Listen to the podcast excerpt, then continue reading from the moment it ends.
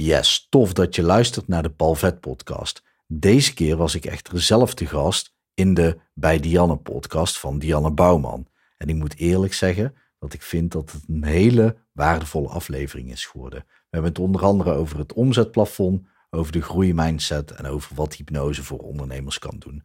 Dus ik zou zeggen, veel plezier met de aflevering. Hey, en wat superleuk dat je weer luistert naar een aflevering van de Bij Dianne podcast. Dit keer niet vanuit de auto, maar vanuit uh, kantoor. En wel om een hele leuke reden. Ik heb namelijk een hele leuke gast tegenover me zitten. Je hebt het misschien in de titel al een beetje kunnen zien. Um, ik ga in deze aflevering in gesprek met Paul, hypnomaster. Paul, goedemiddag yes. op het moment dat we dit opnemen. Leuk dat je er bent. Dankjewel, heel leuk om hierbij te zijn. Ja, nou, we hadden net al eventjes uh, even kort gesproken over uh, waarom ik jou zo graag in mijn podcast wilde hebben. Jij mhm. bent op dit moment mijn, uh, ja, ik noem het even hypnocoach. Is dat überhaupt een woord? Ja hoor, zeker. Er ja. zijn heel veel hypnotherapeuten die die naam gebruiken omdat het woord therapeut te, te zwaar weegt voor veel mensen. En coaching begint al iets meer geaccepteerd te worden. dus hypnocoach kun je me zeker noemen. Ja, nou jij bent dus officieel mijn hypnocoach. Top. en um, ja, ik vind dat soort dingen natuurlijk heel interessant. Voor de uh, luisteraars die uh, heel veel van mijn podcast luisteren, die weten ook wel dat ik uh, verder ga dan alleen strategisch denken.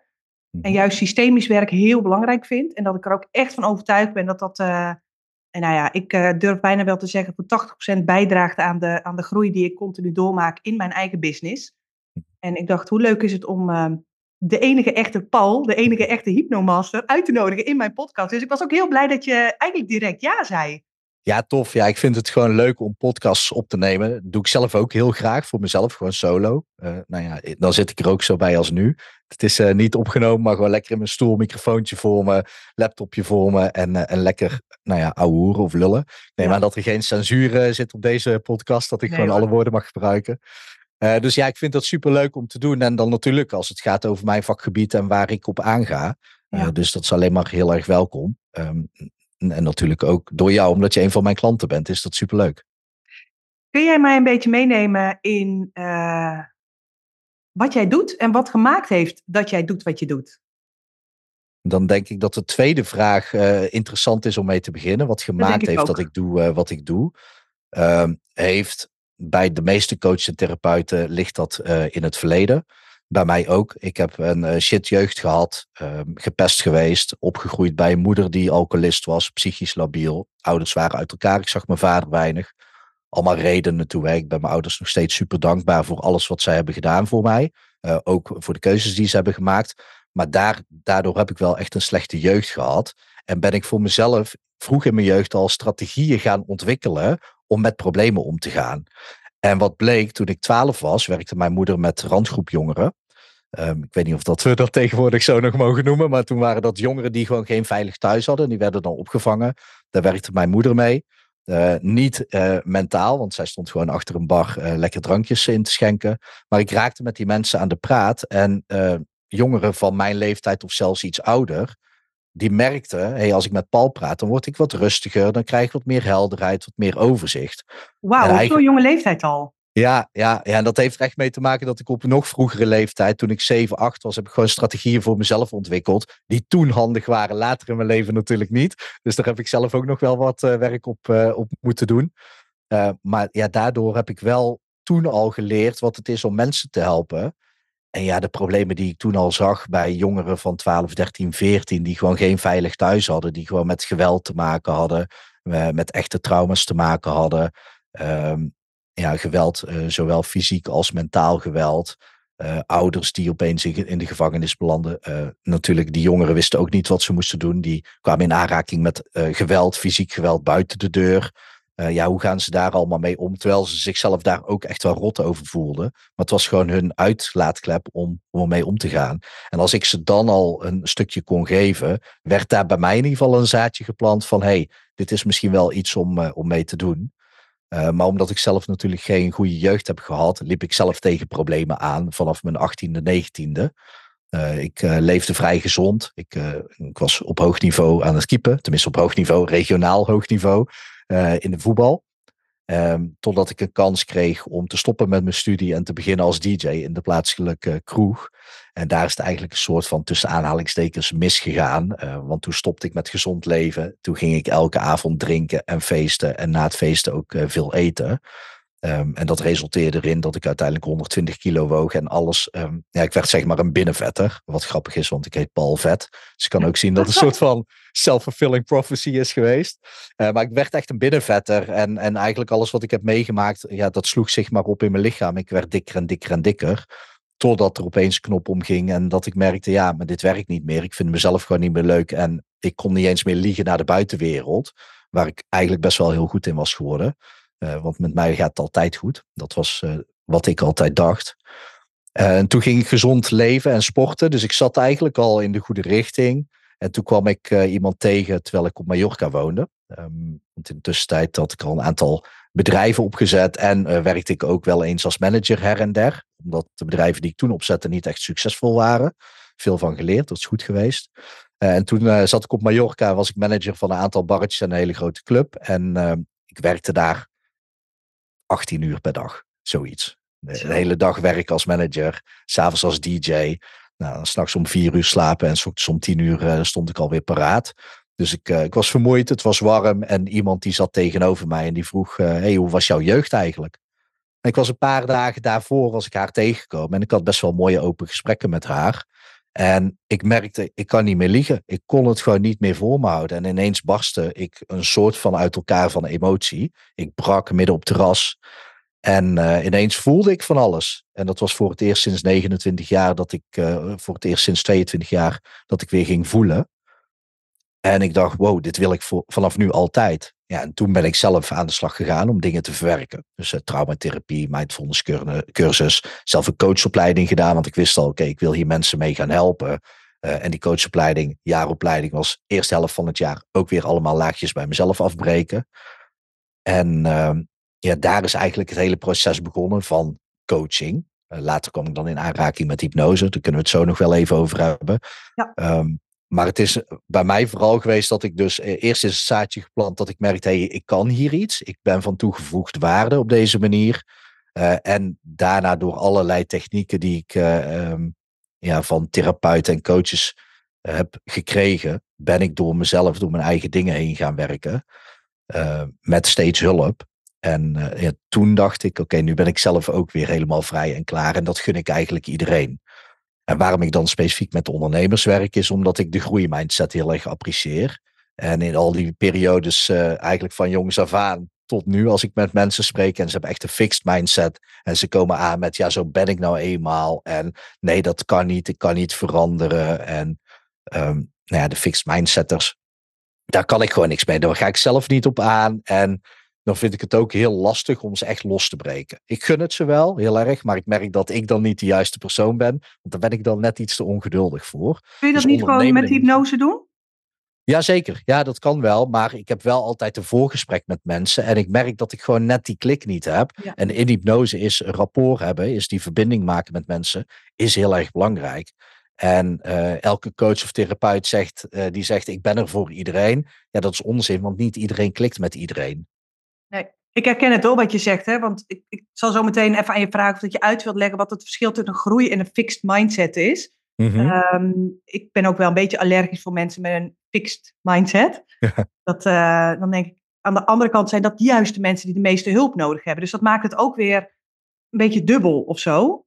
Niet mm -hmm. dat je er voor iedereen hoeft te zijn, maar wat ik altijd wel hoop als ik iemand echt spreek waarvan ik denk, ja, er zit nog zoveel bullshit op. Ik geloof wel dat je het wil, maar ik denk dat je het zelf nog niet gelooft. Ja. Dat ik niet de juiste persoon ben, omdat ik daar ook niet heel erg op aanga. En ik heb die energie wel nodig om mensen te kunnen helpen. Maar dat ik mhm. wel hoop dat die mensen wel heel blijven zoeken.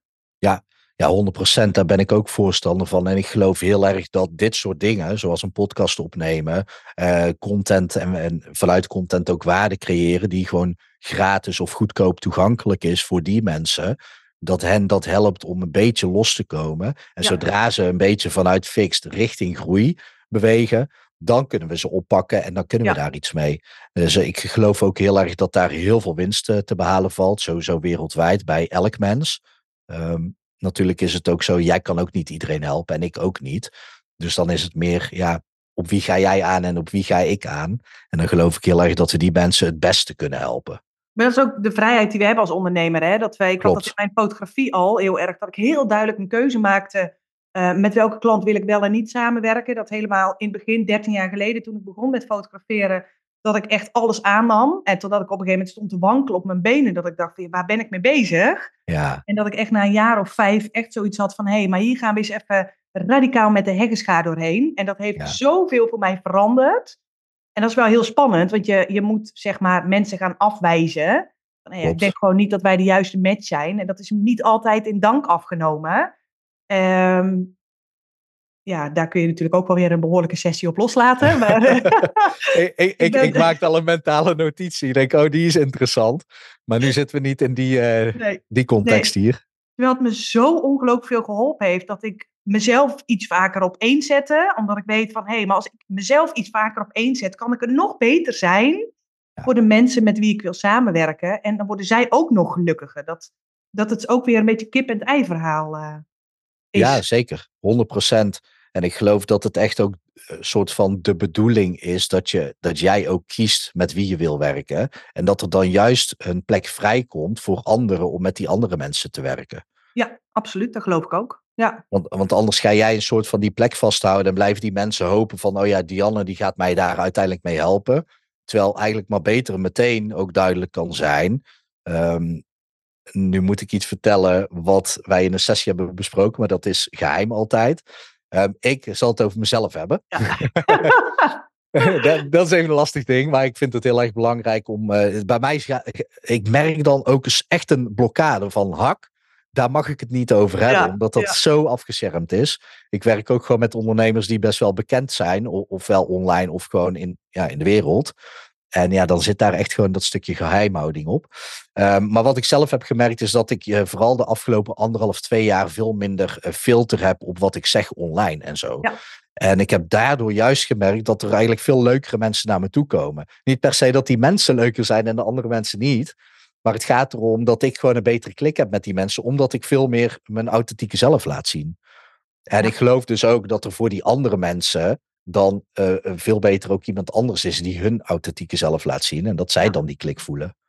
Ja, ik vind het eigenlijk ook heel egoïstisch als mensen er voor iedereen willen zijn. Want dan haal je dus letterlijk heel veel klanten weg bij collega's Mooi. die daar veel gelukkiger van worden. Mooi. Jij wordt er niet gelukkig van, waardoor je ook niet het maximale aan die klant kan geven. Dus uiteindelijk heb je alleen maar verliezers. 100 procent. Op korte termijn is het natuurlijk heel fijn om even geld op die bankrekening te hebben, maar je loopt er wel op leeg. Ja, ja, klopt. En, en zo kan het wel zijn dat je als startende ondernemer makkelijker ja zegt tegen eh, heel veel mensen. En ik denk dat dat ook goed is, want op basis van heel veel mensen kun jij zelf veel beter bepalen. Oh, maar dit vind ik wel leuk en dit vind ik niet leuk.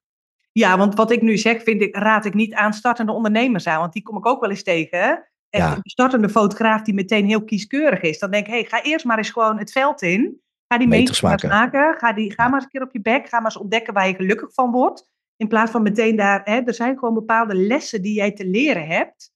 Die op je pad moeten gaan komen. En als ze linksom niet op je pad gaan komen, gaan ze rechtsom op je pad komen. Ja. Uh, dus inderdaad, echt voor, voor startende fotografen ook. Hè, het zijn voornamelijk fotografen die nu naar mijn podcast luisteren. Maar het geldt voor ondernemers in het algemeen, denk ik dat het, uh, dat het juist heel goed is om, dat, om die deur zo breed mogelijk te houden. Om echt eens te gaan ervaren. Um, ja, waar word ik nou echt gelukkig van? En, en wat is mijn ideale klant nu precies? Ja. Dat, um, hey, kun jij eens kort uitleggen? Want ik had net, terwijl je aan het praten was, even drie dingetjes opgeschreven die ik wel interessant vond. Um, ik begin even met die eerste. Jij zei iets over jongeren met echte trauma's. Ja. Nou, mensen, trouwe podcastluisteraars, die horen mij het ook wel eens hebben over trauma's. En dan denken ze waarschijnlijk, teruggaan naar mezelf, naar jaren geleden. Dan denk ik aan hele grootste dingen zoals misbruik, oorlogen, eh, dat, een, een, een, scheiding meemaken. Allemaal dingen die ik godzijdank niet heb meegemaakt. Maar ik heb wel trauma's in mijn systeem mm -hmm. zitten. Ja. Kun jij eens omschrijven, om het voor de luisteraars duidelijk te maken, wat, wat is een trauma? Ja, ja dat is een, een, een vraagstelling. Um, trauma is ook een beetje een, containerbegrip aan het worden. Ja, dat klopt. Want iedereen die, die gooit er maar uh, te pas en te onpas mee. Um, en het, ik zie het als iets veel kleiners dan hoe jij het omschrijft. Ik ook, dus daarom ben ik heel benieuwd of jij dat voor mij een beetje kan opbreken. Ja, ja hoe, ik, hoe ik het zie is um, op het moment dat jij in je jeugd, in je vroege jeugd, iets meemaakt wat dan heel heftig is, dan kan dat een trauma veroorzaken. Maar op het moment als jij denkt, oh, dan moet het echt een heftige situatie zijn, dan moet je even in het leven van een driejarige stappen. En dan is het al heftig als jij je brandt aan de theekop. Of als je moeder tegen je vader schreeuwt. Of als je weg moet uit de speeltuin omdat het etenstijd is. Je kent die kindjes wel, ja, die schreeuwen heel de, heel de wereld bij elkaar, omdat ze gewoon, ja, omdat het etenstijd is. En nou wordt daar niet altijd een trauma ontwikkeld, maar het kan wel. En we weten gewoon niet zeker, oké, deze situatie, dat zet zich vast in het lichaam en uh, die situatie niet. Nou, daar noem ik het al. Op het moment als het zich vastzet in jouw systeem, dan kunnen we het bestempelen als trauma. Ja. En op het moment als iets één keer gebeurt, dan kan het heel makkelijk zijn dat je daarna gewoon weer laat gaan. Uh, Peter R. de Vries zei dat altijd mooi. De eerste keer is gewoon een voorval. Dat kan gebeuren. De tweede keer, als een, een soortgelijke situatie een tweede keer gebeurt, dan is het toeval. En dan denkt jouw brein, hoe jong het ook is, van hé, hey, dat is toevallig. De eerste keer was het zo en nu de tweede keer is het ook zo. Maar dan is er nog een derde keer voor nodig om het een patroon te laten zijn. En dan wordt het gegeneraliseerd in je systeem en dan kan het zich echt vastklikken in je systeem. En dan wordt het een trauma. Nu praten mensen vaak ook nog over, nou, je hebt ook nog een complex trauma. Ik vind dat zelf geen handige uh, benaming, omdat het dan lijkt dat het complex is om er vanaf te komen. Maar dat hoeft helemaal niet, want trauma's kunnen heel snel opgelost worden. Ik zeg niet dat dat altijd gebeurt in sessies, maar, um, of in één sessie in tien minuten, om het uh, zo maar te zeggen. Maar het kan wel veel sneller opgelost worden wanneer je het ziet als ja, iets van ja, het is gewoon een trauma in plaats van een complex trauma. Complex trauma noemen ze dan wanneer je uh, in een langere tijd um, een bepaalde situaties blijft meemaken. Dus in mijn situatie, mijn moeder was dronken, dat was alcoholist, dus die was elke avond dronken. Dus elke avond moest ik op mijn tenen lopen om te kijken van oké, in welke bui is ze nu? Want dan moet ik me zo gedragen om geen ruzie met haar te hebben. En de volgende dag, oké, in welke bui is ze nu? Om geen ruzie te veroorzaken. En die buien waren anders, dus moest ik me ook steeds anders gedragen. Super waardevolle leerschool geweest, want daardoor kan ik met bijna iedereen praten. Dus ik heb een heel goed aanpassingsvermogen daaraan overgehouden. Alleen voor mij als kind was dat wel een complexe traumasituatie. Dus trauma, heel, heel in het kort, is uh, een situatie die je meemaakt, over het algemeen in je vroege jeugd. Zelfs al maak je op latere leeftijd heftige dingen mee, dan wordt dat vaak gekoppeld aan iets uit je jeugd. En op het moment als je het in je jeugd meemaakt, is het op dat moment heftig voor die leeftijd. Maar als volwassene kun je daar vaak ja, op een rustige, vrij rustige manier naar kijken. Nu is het natuurlijk zo dat sommige mensen wel echt ook uh, trauma's kunnen ervaren als iets heftigs. Dus op het moment dat zij dan daarmee verbonden zijn, dan kunnen ze het ook als heftig ervaren. Maar dat komt omdat ze terugschieten naar die emotionele leeftijd van toen. Um, ja, die wordt gewoon getriggerd eigenlijk weer. Precies, ja. ja. Je kan het ook zien. Als je met iemand praat en jij voelt, of je, uh, je merkt, hey, die is gekwetst, dan zie je die naar een soort van emotionele leeftijd schieten van waar het toen is gebeurd. Nu is dat moeilijk, want heb je een 40-jarige vrouw tegenover je en die schiet naar een emotionele leeftijd van vier jaar. Ja, dan zie je vaak wel een 14, 15, 16-jarig iemand voor je. Het is heel moeilijk om dan echt een baby te zien. Al gebeurt dat ook echt wel eens. Dat ik echt in het gezicht zie van wauw, ja, dit is echt een hele, hele jonge kindfase. Ja. Uh, ik wil er wel bij zeggen dat ik dus niet uh, een trauma zie als iets heel makkelijks voor de mensen die het ervaren. Um, maar ik zie zelf trauma wel als makkelijk oplosbaar. Ja. Want als ik het als een moeilijk probleem zou zien, dan zou ik geen goede therapeut zijn. Nee, precies. Hey, en dat maakt het ook, denk ik, wel best wel complex. Hè? Dat wij natuurlijk in onze eerste zeven, acht jaar vrij weinig echt bewustzijn hebben. Ja. En dat we daarom door bepaalde zaken die we nu op latere leeftijd, ik ben nu 33, dat ik dingen meemaak, dat ik denk, ik begrijp het wel, maar ik voel dat er iets getriggerd wordt. En dat je, dat, je kunt er niet bij, omdat het niet in jouw bewustzijn is opgeslagen. Klopt. En ik denk dat we daar uh, meteen ook bij een stukje hypnose gaan aankomen. Waarom hypnose zo doeltreffend is. Ja, nou ja, precies om wat je zegt. Uh, het zit niet in je bewuste brein. En met hypnose um, ja, ga je contact maken met je onbewuste. En dat klinkt altijd als een heel vaag iets. Um, Maar in jouw onbewuste is bijvoorbeeld ook opgeslagen hoe je auto moet rijden. Jij denkt niet bewust na over de handeling als je aan het autorijden bent. Dat zit allemaal in je onbewust opgeslagen. Nee, dan ben, want dan ben je, nou ja, sterker nog, je kan nog een stapje verder gaan. Jezelf overeind, overeind houden als je zit. Dat moet je ergens op jonge leeftijd leren. Want zet je een baby, zet je die rechtop, die, val, die valt om die heeft gewoon nog niet geleerd hoe het is om rechtop te zitten. Dus als jij in een auto zit, dan ben je zelfs onbewust bezig om jezelf rechtop te houden. Je bent ook onbewust bezig met autorijden. En tegenwoordig kunnen we dan ook nog onbewust allerlei andere handelingen verrichten die je beter niet in de auto kan doen. Ehm, zoals een podcast luisteren en aanzetten, dat is veilig.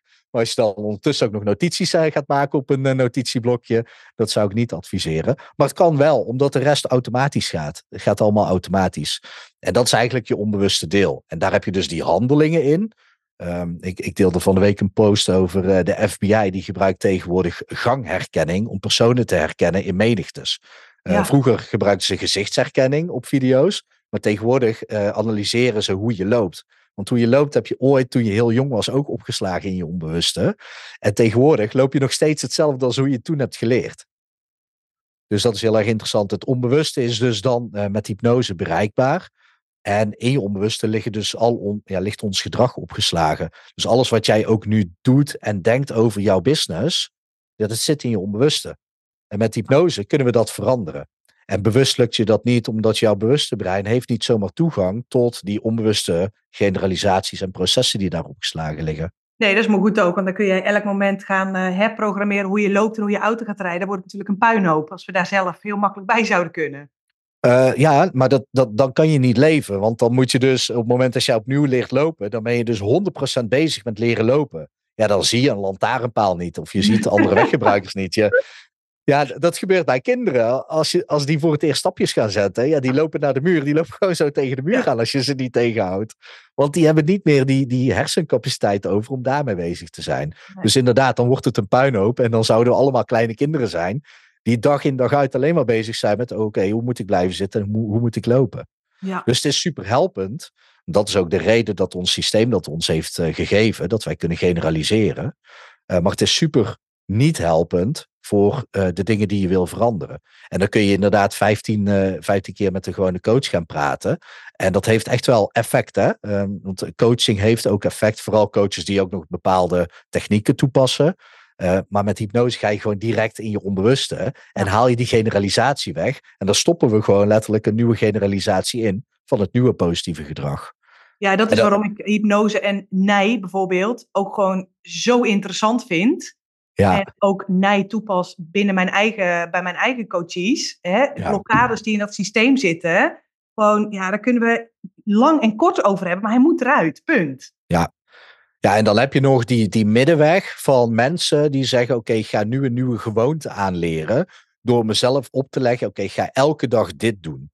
Dus iemand die, die bijvoorbeeld nooit sport, uh, die gaat zichzelf aanpraten. Oké, okay, ik ga nu de komende 60 dagen elke dag minimaal 20 minuten bewegen. En dan kan het er ook in geprogrammeerd worden. Maar dat zijn de mensen die, um, die hebben zo, zo ja, heel veel wilskracht.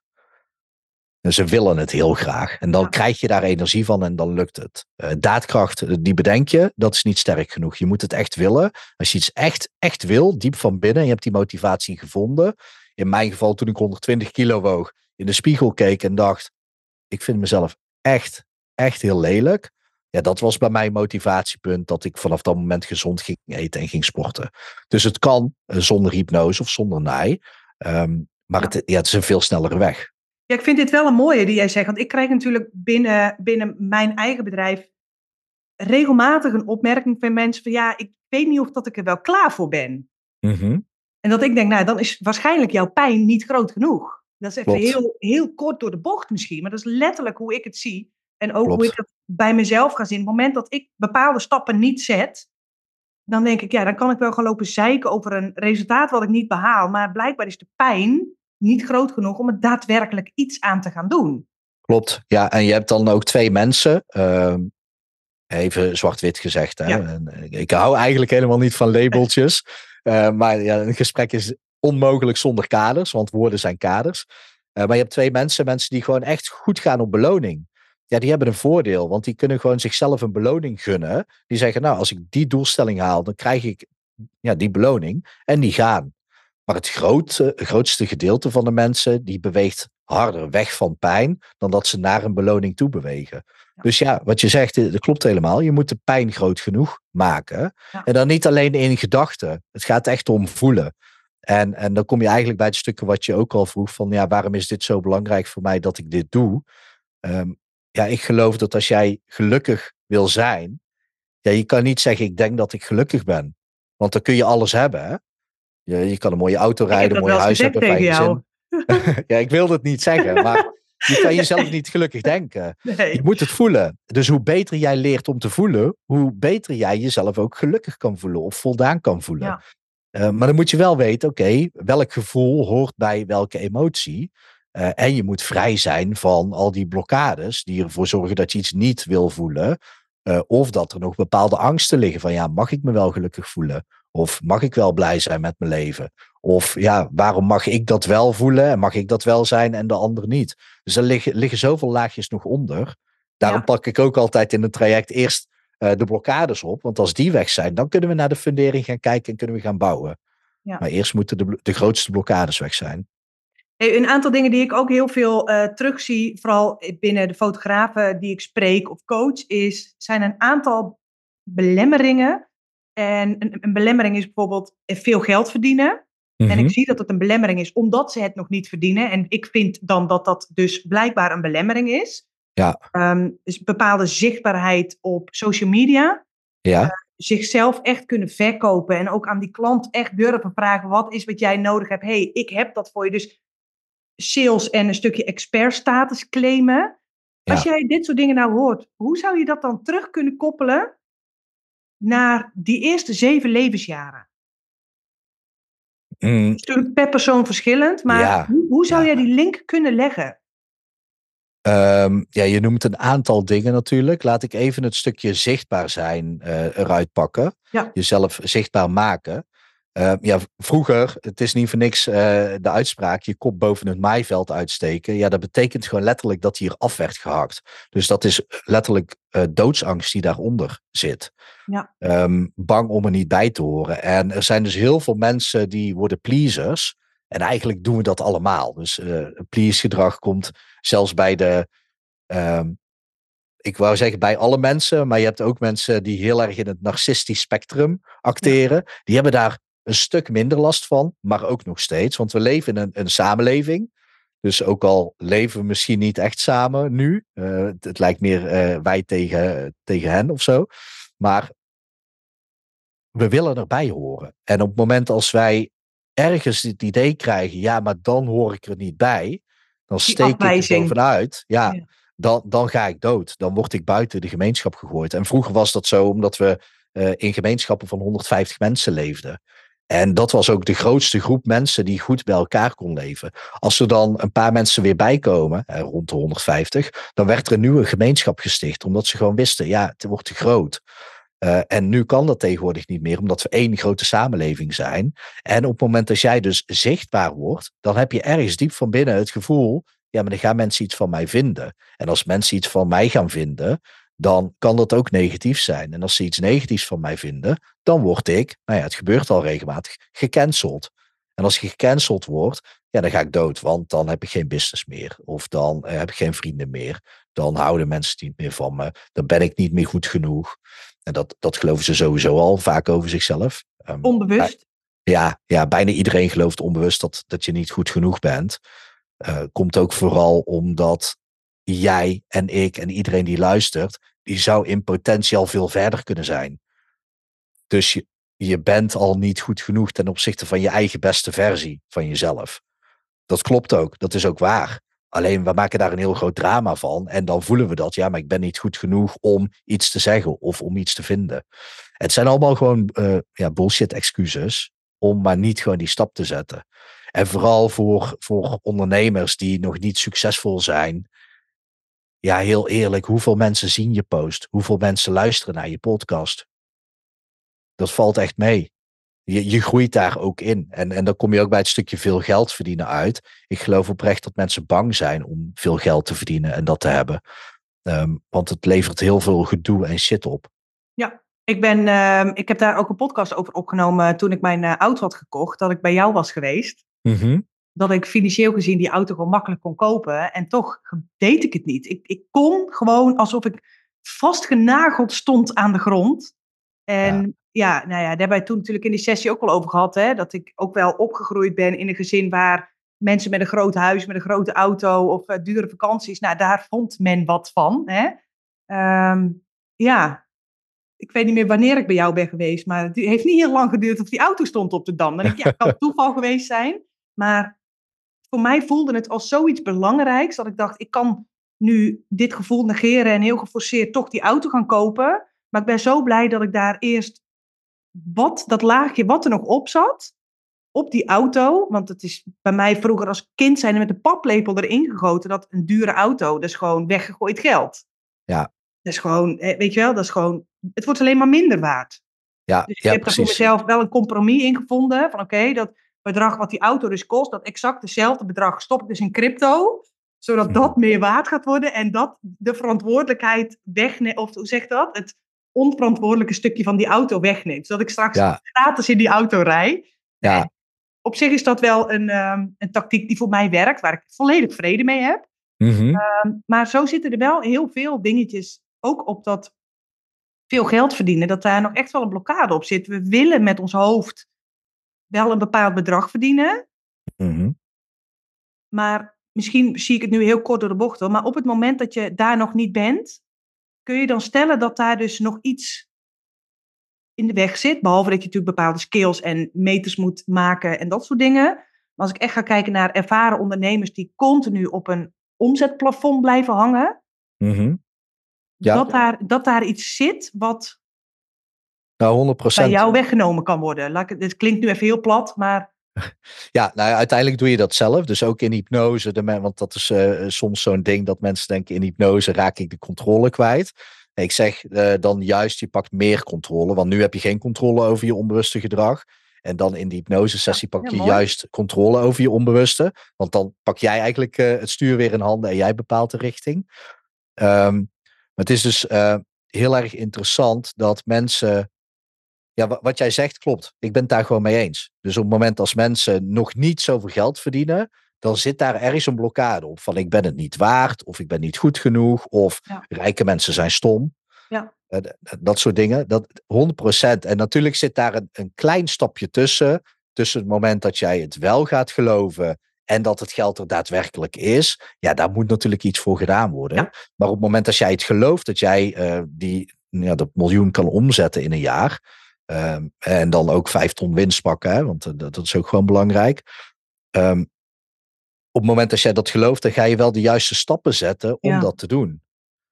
En nu zie je die stappen waarschijnlijk niet eens, omdat je ergens diep van binnen eh, gelooft dat je dat niet waard bent.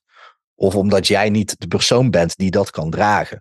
Om wat voor reden dan ook. Hè? Je hebt misschien de overtuiging, ja, maar als ik dan een miljoen eh, omzet draai en vijf ton winst heb, dan betaal ik ook twee ton belasting. Ja, dan, dat gaat naar andere mensen.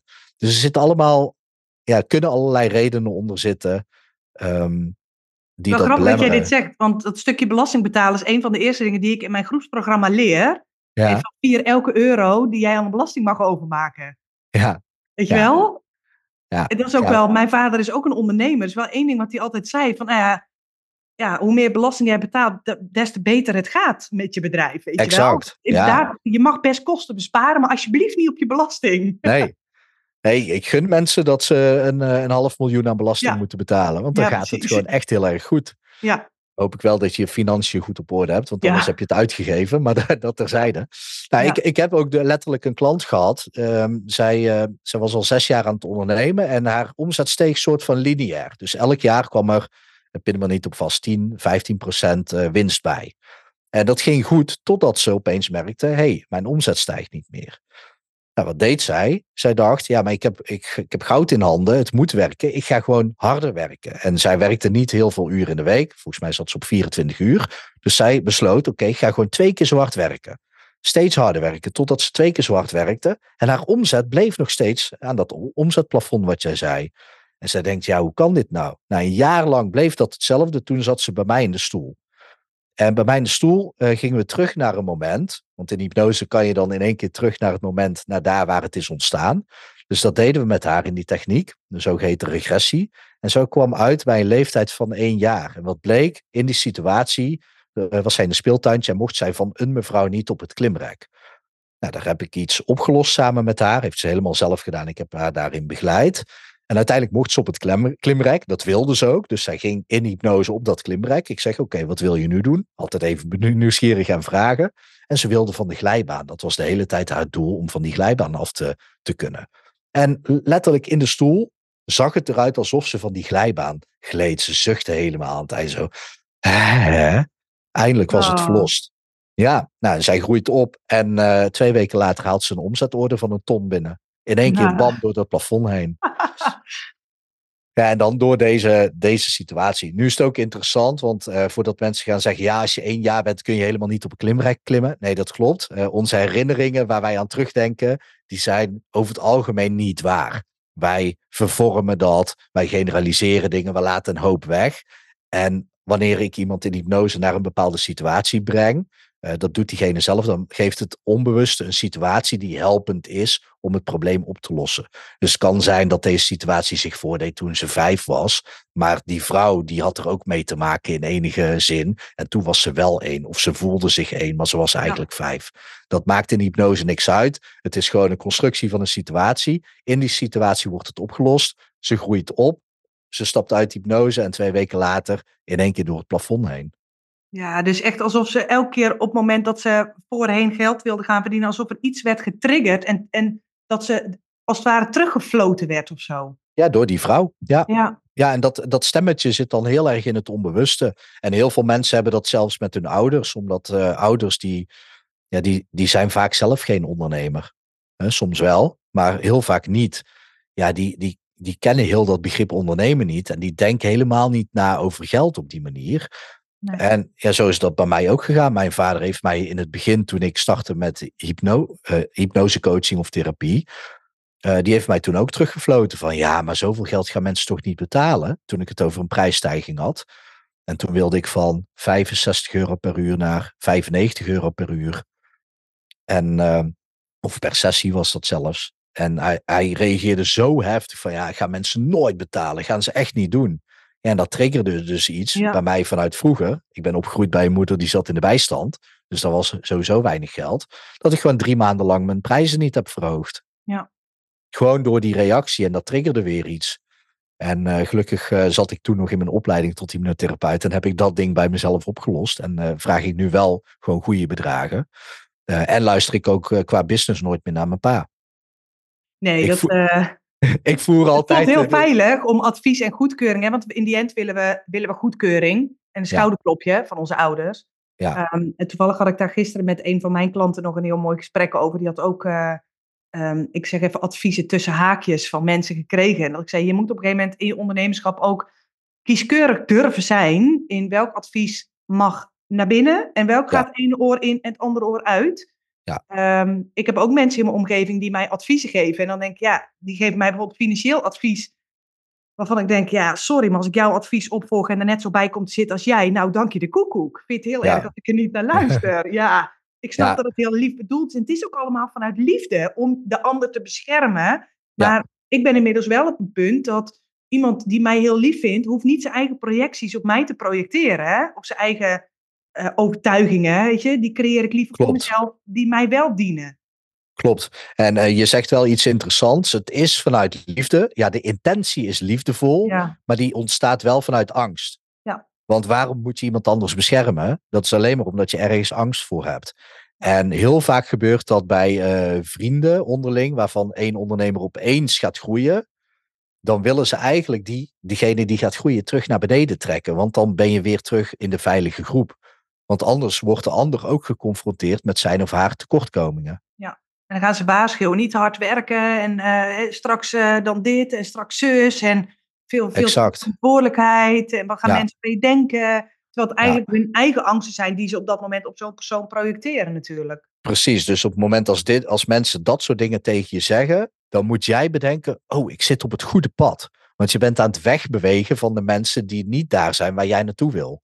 Ja, En ja, een, een, een wijze leider, ik, ik weet niet meer wie het is geweest, die heeft ooit gezegd: als jij niet toegang hebt tot de top 1% ondernemers wereldwijd, dan moet je eigenlijk naar alle andere ondernemersadviezen kijken en allemaal tegenovergestelde doen van dat. ja, nice. Ja. Ja, want die zijn niet daar waar die. En, en ik, eh, als dat je doel hè, is, hè, ik zou niet bij de top 1% wereldwijd uh, willen zitten, want dan heb ik zoveel geld dat ik ook ander gedoe krijg. Um, uh, mijn guru Edwin Selei, de hypnose koning van Nederland, door wie ik ben opgeleid, die zegt altijd: ja, ik wil onder de 3 miljoen. Uh, of 300 miljoen blijven. Want boven de 300 miljoen, dan moet je bijna ook beveiliging voor, voor je familie en zo gaan inschakelen. Ah, ja, een stukje veiligheid. Ja, ik snap wel dat daar een omzetplafond op 300 miljoen zit. Ja. Ja, dat snap ik wel. Ja, ja dus ja, en dat, dat mag ook. Maar dat is, daarom zeg ik, het is maar net wat je doel is. Dus is je doel om 300 miljoen uh, um, ja, gewoon cash op je bank te hebben of in, uh, in vermogen verspreid te hebben. Um, ja, doe dat vooral, maar luister dan naar mensen die dat ook al hebben. En luister vooral uh, of doe het tegenovergestelde van alle mensen die dat niet hebben. En vind ik eigenlijk best wel een waardevol advies. Ja, ja cool.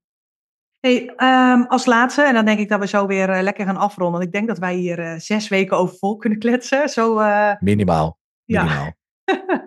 hey, um, ik wilde nog heel even terugkomen op een stukje groei en fixed mindset. Ja. Ik kan me voorstellen dat mensen nu luisteren en denken, hoe weet ik of ik een groei of een fixed mindset heb?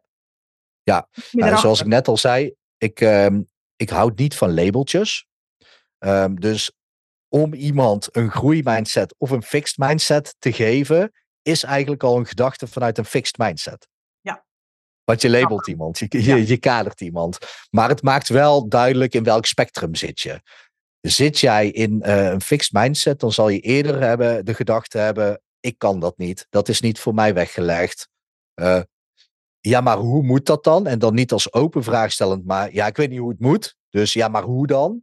Of zo ben ik nou eenmaal. Um, als je dat soort gedachten hebt, dan heb je heel erg last van de fixed mindset. Bij de gro uh, groeimindset, growth mind mindset, dan ga je juist onderzoeken naar, oké, hoe zou het eventueel wel kunnen? En wat is er nog meer mogelijk? En eigenlijk die twee vragen zijn sowieso fantastisch om jezelf te stellen. En doe je dat al vaker? dan kun je dus ook wel tegen jezelf eerlijk zijn en zeggen: Oké, ik heb wel echt een groeimindset. Als je steeds durft te vragen: Oké, wat is er nog meer mogelijk? En wat is er nog meer mogelijk? En dat je daar echt 20 of 30 minuten op door kunt blijven denken. En dat stimuleert de creativiteit en dan kom je in die groeimindset. De fixed mindsetters, uh, setters, die zie ik vaak als de mensen die ook gesloten en korte antwoorden geven. Nee, ja, niet mogelijk, kan niet. Om, um, als ik het goed zie, is dat ook een bepaalde beschermlaag misschien, om niet naar een bepaald punt in zichzelf toe te hoeven gaan waar iets van een pijn of iets zit waar ze niet naartoe willen? Ja, ja 100 procent. Het heeft heel erg met eigenaarschap te maken. Um, maar ik, wilde, ik wil hier wel een nuance in uh, aanbrengen. Want ja, het klopt dat mensen dan niet naar dat stuk kunnen. Um, ik geloof ook dat het dan voor die mensen op dit moment te pijnlijk is om daar naartoe ja. te kunnen. Ja zonder hulp. Dus ja. tegen die mensen zou ik willen zeggen: zoek alsjeblieft hulp, zodat je in kleine stapjes wel naar die pijn toe beweegt. Want ik geloof heel erg dat alles wat jij in je leven ziet en ervaart, dat dat jouw verantwoordelijkheid is. En dan kan je wel zeggen, ja, maar ik, uh, ik krijg te weinig klanten. Ja, ik heb wel een website, maar er komen te weinig mensen op. Ja, ik post elke dag op Instagram, maar uh, het bereik is niet goed. Want uh, Google algoritme, algoritme van Meta. Ja, ik heb niet de cashflow om um, iemand in te huren die hele mooie layouts maakt. En dan leg je het allemaal buiten jezelf. Ja. Terwijl als jij kunt zeggen, oké, okay, maar alles wat er nu in mijn leven is, is mijn eigen verantwoordelijkheid. Of dat je er iets aan komt doen of niet, hè? Nee, op dit moment. Ja, exact. Ja, ja, ja. Op dit moment. Um, als je dat zo kunt zien, dan heb je zeker te weten een growth mindset. En ja, dat doet pijn doet bij mij soms ook nog pijn. Het is echt niet zo dat ik een of andere verlichte uh, hypnose oh. master ben die uh, gewoon helemaal zen en uh, helemaal verlicht is. Lijkt, lijkt me ook heel erg saai om te worden. ja.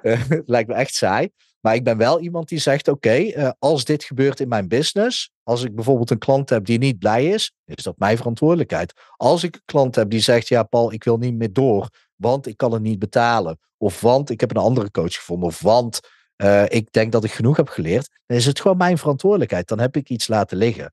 En uh, of dat het zo is of niet, maakt geen zak uit. Maar op die manier kijken zorgt er wel voor dat ik beter en beter word. Ja, ja precies. Ja, ik deelde daar een tijdje geleden nog een mooie post over. Hè? Datgene wat je hebt meegemaakt is niet jouw schuld. Maar hoe je er nu mee omgaat is wel jouw verantwoordelijkheid.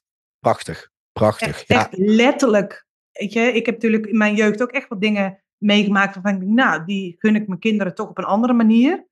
Maar ik heb heel lang die schuld ook continu bij, bij mensen neergelegd. Van, van mijn ouders tot en met uh, jeugdzorg, tot en met de overheid, tot en met de belastingdienst. Continu um, buiten mezelf neergelegd. Maar ik schoot er precies geen centimeter mee op. Nee, nee heeft geen nut. Pas op het moment als jij zegt, oké, dat is allemaal mijn ding. En ik ga ermee aan de slag. En dan, dan is hulp inschakelen gewoon echt wel slim. En dat kan ook gewoon iemand zijn die wel uh, bijvoorbeeld naar een therapeut gaat met wie je een gesprek aangaat. Hè? Um, in een veilige omgeving. Of gewoon wel een coach of therapeut inschakelen. Dat werkt echt wel goed.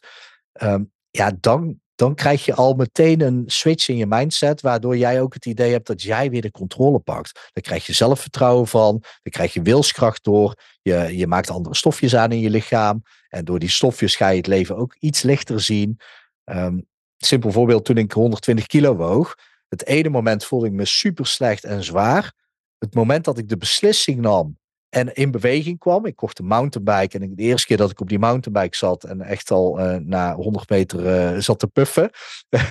maar dat moment voelde ik me 10 kilo lichter. Gewoon omdat ik controle had genomen. Omdat ik gewoon ja, daad bij het woord had gevoegd en in, in beweging kwam. Dit vind ik wel heel grappig wat je zegt. Want dit hoor ik aan de lopende band van mensen die in een van mijn trajecten stappen. Mm -hmm.